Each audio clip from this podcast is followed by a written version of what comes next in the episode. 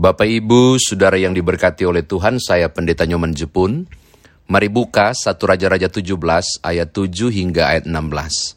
1 Raja-Raja pasal 17 ayat 7 hingga ayat yang ke-16. Sebelumnya mari kita satu dalam doa, kita berdoa. Bapa Surgawi, firman Tuhan akan kami dengar, tolonglah kami agar dapat memahami karena hikmat yang Tuhan beri, lalu kemudian Roh Kudus juga berkenan kiranya menolong kami untuk mengerjakan firman Tuhan yang sudah kami dengar. Demi Tuhan Yesus Juru Selamat kami berdoa. Amin. 1 Raja-Raja 17 ayat 7 hingga ayatnya yang ke-16. 1 Raja-Raja pasal 17 ayat 7 hingga ayat yang ke-16 berbunyi demikian. Tetapi sesudah beberapa waktu sungai itu menjadi kering sebab hujan tiada turun di negeri itu. Maka datanglah firman Tuhan kepada Elia, bersiaplah pergi ke Sarfat yang termasuk wilayah Sidon dan diamlah di sana. Ketahuilah, aku telah memerintahkan seorang janda untuk memberi engkau makan.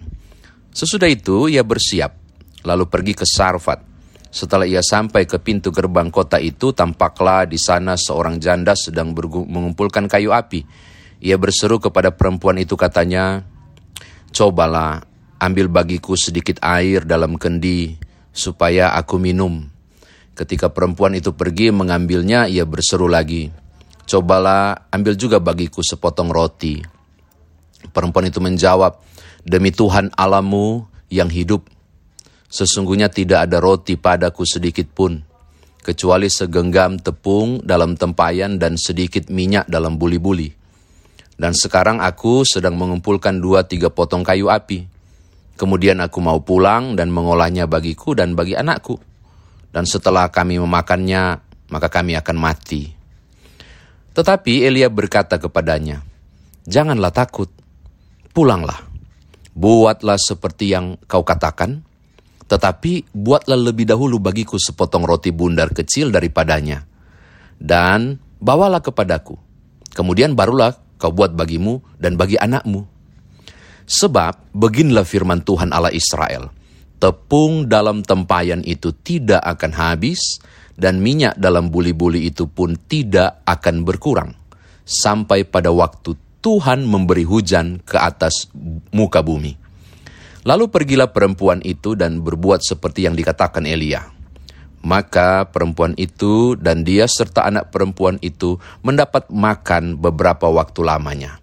Tepung dalam tempayan itu tidak habis, dan minyak dalam buli-buli itu tidak berkurang. Seperti firman Tuhan yang diucapkannya dengan perantaraan Elia. Demikian firman Tuhan, saudara dan saya dikatakan berbahagia jika mendengarkan firman Tuhan ini, merenungkannya, memberitakannya istimewa, mengerjakan dalam kehidupan beriman kita. Saudara, untuk mengerti teks ini, ada baiknya Bapak Ibu membuka pasal 16, paling tidak mulai dari ayat 29. Jadi Raja Ahab, Raja Ahab ini benar-benar tidak taat kepada Tuhan. Raja Ahab ini kemudian melakukan penyembahan berhala. Dan karena itulah Tuhan memerintahkan Elia untuk memberitakan penghukuman itu pasal 2 pasal 16 ayat 29 sampai ayatnya yang ke-34. Kenapa Bapak Ibu saya rada tersenyum baca pasal 16 ayat 29 sampai 34? Itu efeknya ada di pasal 17. Jadi dengan PD Elia datang dan bilang demi Tuhan yang hidup lihat ayat 17 pasal 1. Demi Tuhan yang hidup Allah Israel yang kulayani, sesungguhnya tidak akan ada embun atau hujan pada tahun-tahun ini kecuali kalau kukatakan. Jadi datang ke raja dan disampaikan. Nah saudara tahu ini berefek besar. Dia lari karena dia mau dibunuh. Jadi perbuatan Ahad yang jahat kemudian diberitakan hukuman. Elia memberitakan, Elia dapat dapat dapat juga ganjarannya. Kenapa? Raja tidak suka dan dia mencari dan membunuh. Larilah. Ketika lari, dia pergi bersembunyi di sungai Kerit. Tuhan menyiapkan sungai Kerit sebagai tempat dia makan dan minum, bahkan diberi makan Eh, oleh burung gagak, juga dapat roti dan juga dapat daging. Tapi bukan itu fokus saya. Tiba-tiba sungai Kerit itu kering. Ayat 7 toh, pasal 17 sampai 16 kisah ini. Nah, berangkatlah dia ke Sarfat. Saya mau katakan hal pertama kepada Bapak Ibu. Nggak mudah loh mengatakan kebenaran. Elia mengatakan kebenaran dan berefek fatal, yaitu ya kebenaran itu sulit diterima oleh banyak orang, termasuk oleh Raja Ahad. Dan Elia kemudian menjadi bulan-bulanan. Dia sungai Kerit itu kering dan dia harus pergi ke Sarfat. Saya mau kasih tahu Bapak Ibu, jarak antara sungai Kerit ke daerah Sidon di mana tempat Sarfat itu berada, itu terletak di tepi Laut Mediterania bagian barat, itu 150 km sebelah barat. 150 km. Dan dugaan beberapa orang mengatakan 150 km kalau jalan santai itu bisa sampai 2 3 hari. Bahkan kalau sampai nginap-nginap dan beristirahat bangun tenda kalau malam itu bisa sampai 3 4 hari. Jalan kaki Bapak Ibu, saya mau bilang, jalan kaki 150 km. Elia harus pergi ke Sidon, tepatnya di daerah yang bernama Sarfat. Dan ketika dia, dia sangat kelelahan, dia berjumpa dengan janda ini yang disebut dengan janda Sarfat. Nah, catatan kedua saya. Siapakah orang yang dimintain tolong oleh Elia? Alkitab cuma mendefinisikan seorang janda. Dan kemudian lembaga Alkitab Indonesia memberi keterangan supaya jadi lengkap biar ada sedikit-sedikit keterangan janda di Sarfat atau janda Sarfat. Banyak orang mengatakan itu. Tahukah Bapak Ibu Saudara? Tidak ada kurikulum vitae. Hmm. Tidak ada keterangan apa pun tentang janda Sarfat ini. Siapakah dia? Nggak ada. Dia tokoh yang kemudian tidak ada identitas. Asal Bapak Ibu tahu di zaman itu seorang janda itu punya tidak punya kehidupan finansial yang mapan, tidak ada janda yang kaya. Kalau suaminya meninggal dan dia tidak punya anak laki-laki, maka beberapa harta benda milik suami akan kembali ke klannya atau kesukuannya. Jadi memang kalau disebut janda, tidak usah pakai kata-kata miskin, tidak usah, karena sudah tahu pasti janda itu di sana miskin. Beda di Indonesia atau ada janda kaya. Nah, saya mau katakan ini sangat penting janda ini tidak berpunya, tidak punya apa-apa. Bahkan Alkitab berkata, tolong lihat di ayat yang ke-12, yang ada pada saya ini cuma tepung dalam tempayan dan sedikit minyak dalam buli-buli. Nah kalau saya bikin roti, dia bilang begitu, kami akan makan lalu mati. Kenapa? Karena cuma tinggal itu persediaannya. Besok sudah nggak ada makanan, lusa apalagi, mungkin hari ketiga mati. Pokoknya tidak ada makanan. Pokoknya itu sudah kondisi kemiskinannya, kondisi kekurangannya. Ditambah lagi kutukan tentang tidak akan ada hujan yang Tuhan beri karena Ahad kurang ajar. Sudah lihat, janda ini tidak punya apa-apa. Janda ini tidak memiliki apa-apa. Kekuatan finansialnya nihil Bapak Ibu. Dan dia diambang kematian. Oke? Okay? Sekarang catatan ketiga. Apa yang disampaikan oleh Elia ini juga bagi saya lucu dalam kelelahan, dia lihat ada seorang perempuan. Alkitab yang beri keterangan dia seorang janda dan Elia sudah tahu ini jandanya. Sedang cari kayu api. Dalam kelelahan barangkali dan kehausan dia bilang begini di ayat yang ke-10. Ambilkanlah bagiku sedikit air dalam kendi supaya aku minum haus kesian. Baru mau pergi ambil air, tiba-tiba muncul ayat 11. Kalimat ia berseru lagi. Cobalah ambil juga bagiku sepotong roti, ngelunjak. Udah minta minum, minta makan juga. Pada orang yang tidak mampu. Saya mau tekankan itu. Elia meminta tolong pada seorang janda yang kalau dia makan hari ini, besok dia nggak tahu mau makan apa lagi karena nggak punya apa-apa lagi. Nggak punya apa-apa lagi. Berikan saya minum dan kalau bisa juga, uh, tolong juga, tolong dong, roti juga. Ngelunjak saya sebut. Oke, ini catatan ketiga. Yang keempat, Bapak Ibu. Ketika dalam ketakutan dan kekhawatiran, janda bilang, gak bisa lah. Kau tahulah keadaanku, saya gak punya apa-apa. Ini menarik Bapak Ibu dialog itu. Elia bilang begini. Uh, sebelumnya ini catatan menarik Bapak Ibu. Coba lihat ayat 12.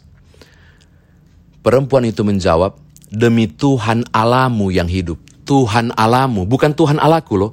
Tuhan alamu. Kita dapat definisi apa? Dia nggak percaya kepada alanya Elia. Dia bukan seorang yang percaya pada e, alanya Eli, Eli alanya Elia. Maka saya saya mau sampaikan begini. Dia sudah miskin.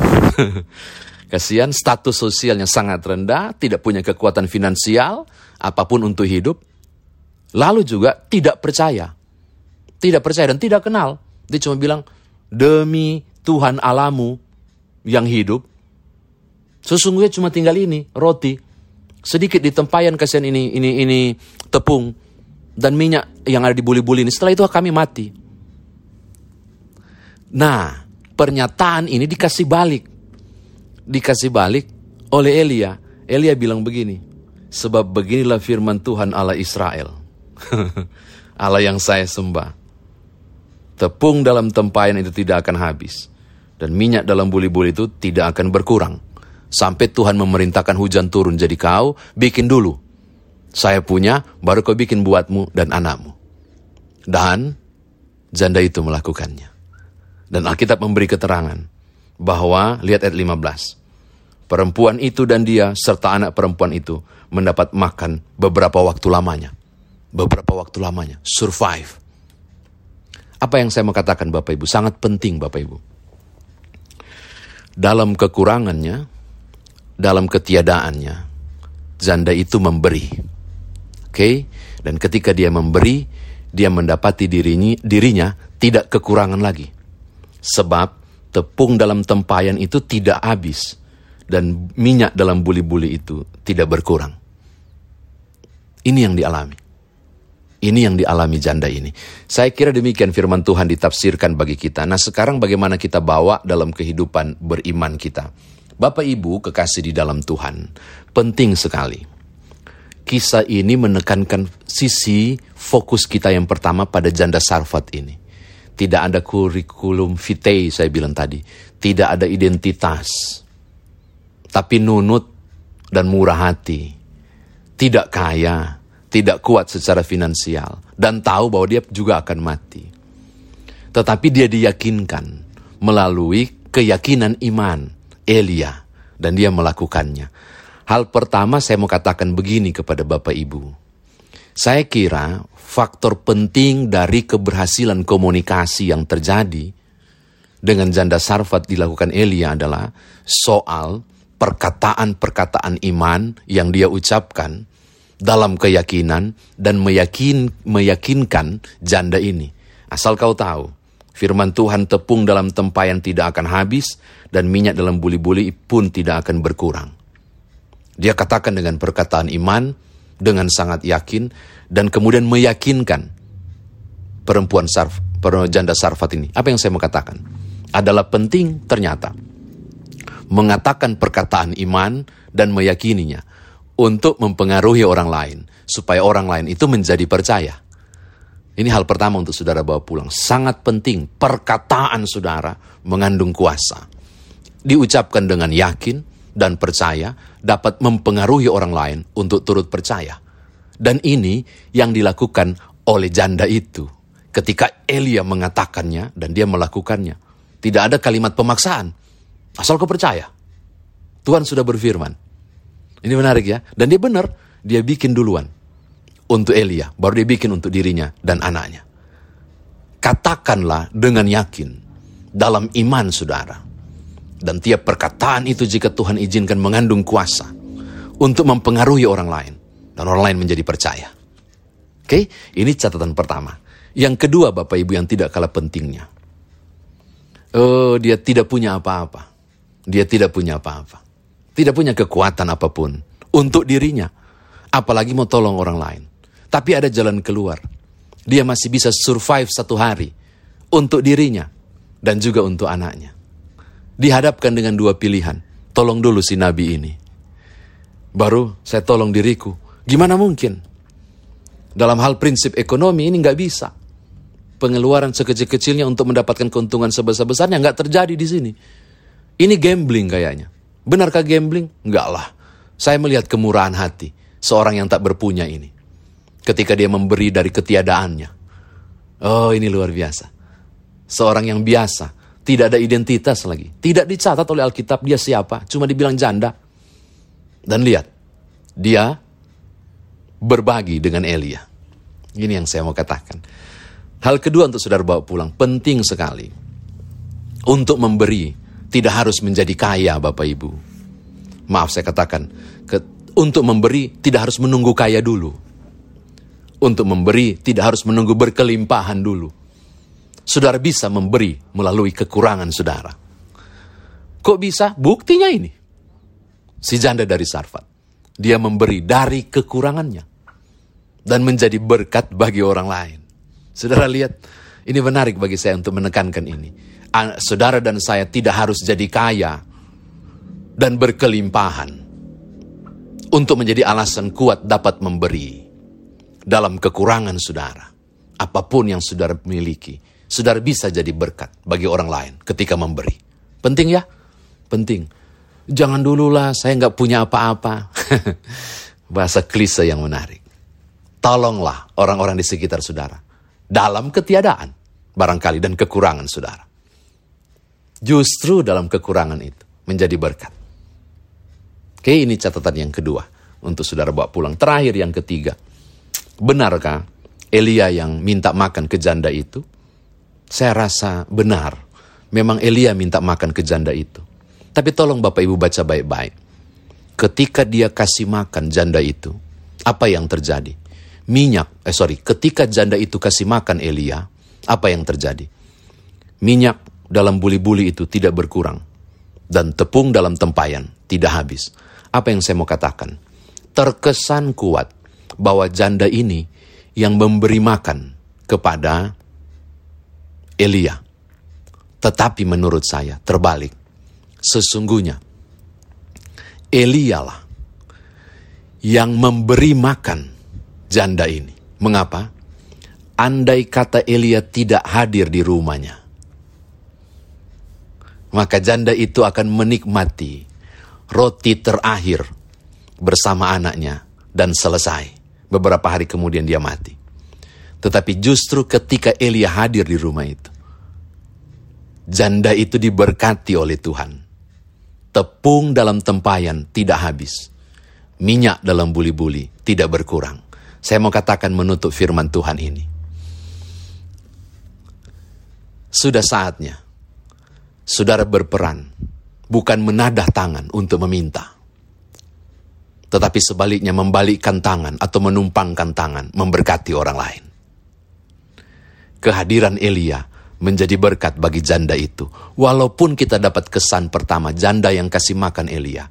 Tapi menurut saya justru karena Elia hadir. Rumah tangga itu diberkati. Saya mau katakan kepada saudara. Jadilah berkat. Jadilah berkat. Kiranya kehadiran saudara di rumah tanggamu. Kehadiran saudara di kantor. Di tempat usaha saudara. Bisa menjadi berkat bagi orang lain. Wow, ini kan penting ketika saudara menjadi alat untuk memberkati orang lain. Mari memberi dari kekurangan, tidak harus menunggu memiliki atau bahkan berkelimpahan. Karena lewat saudara memberi, engkau diberkati oleh Allah. Tuhan berkati Bapak Ibu. Haleluya. Amin.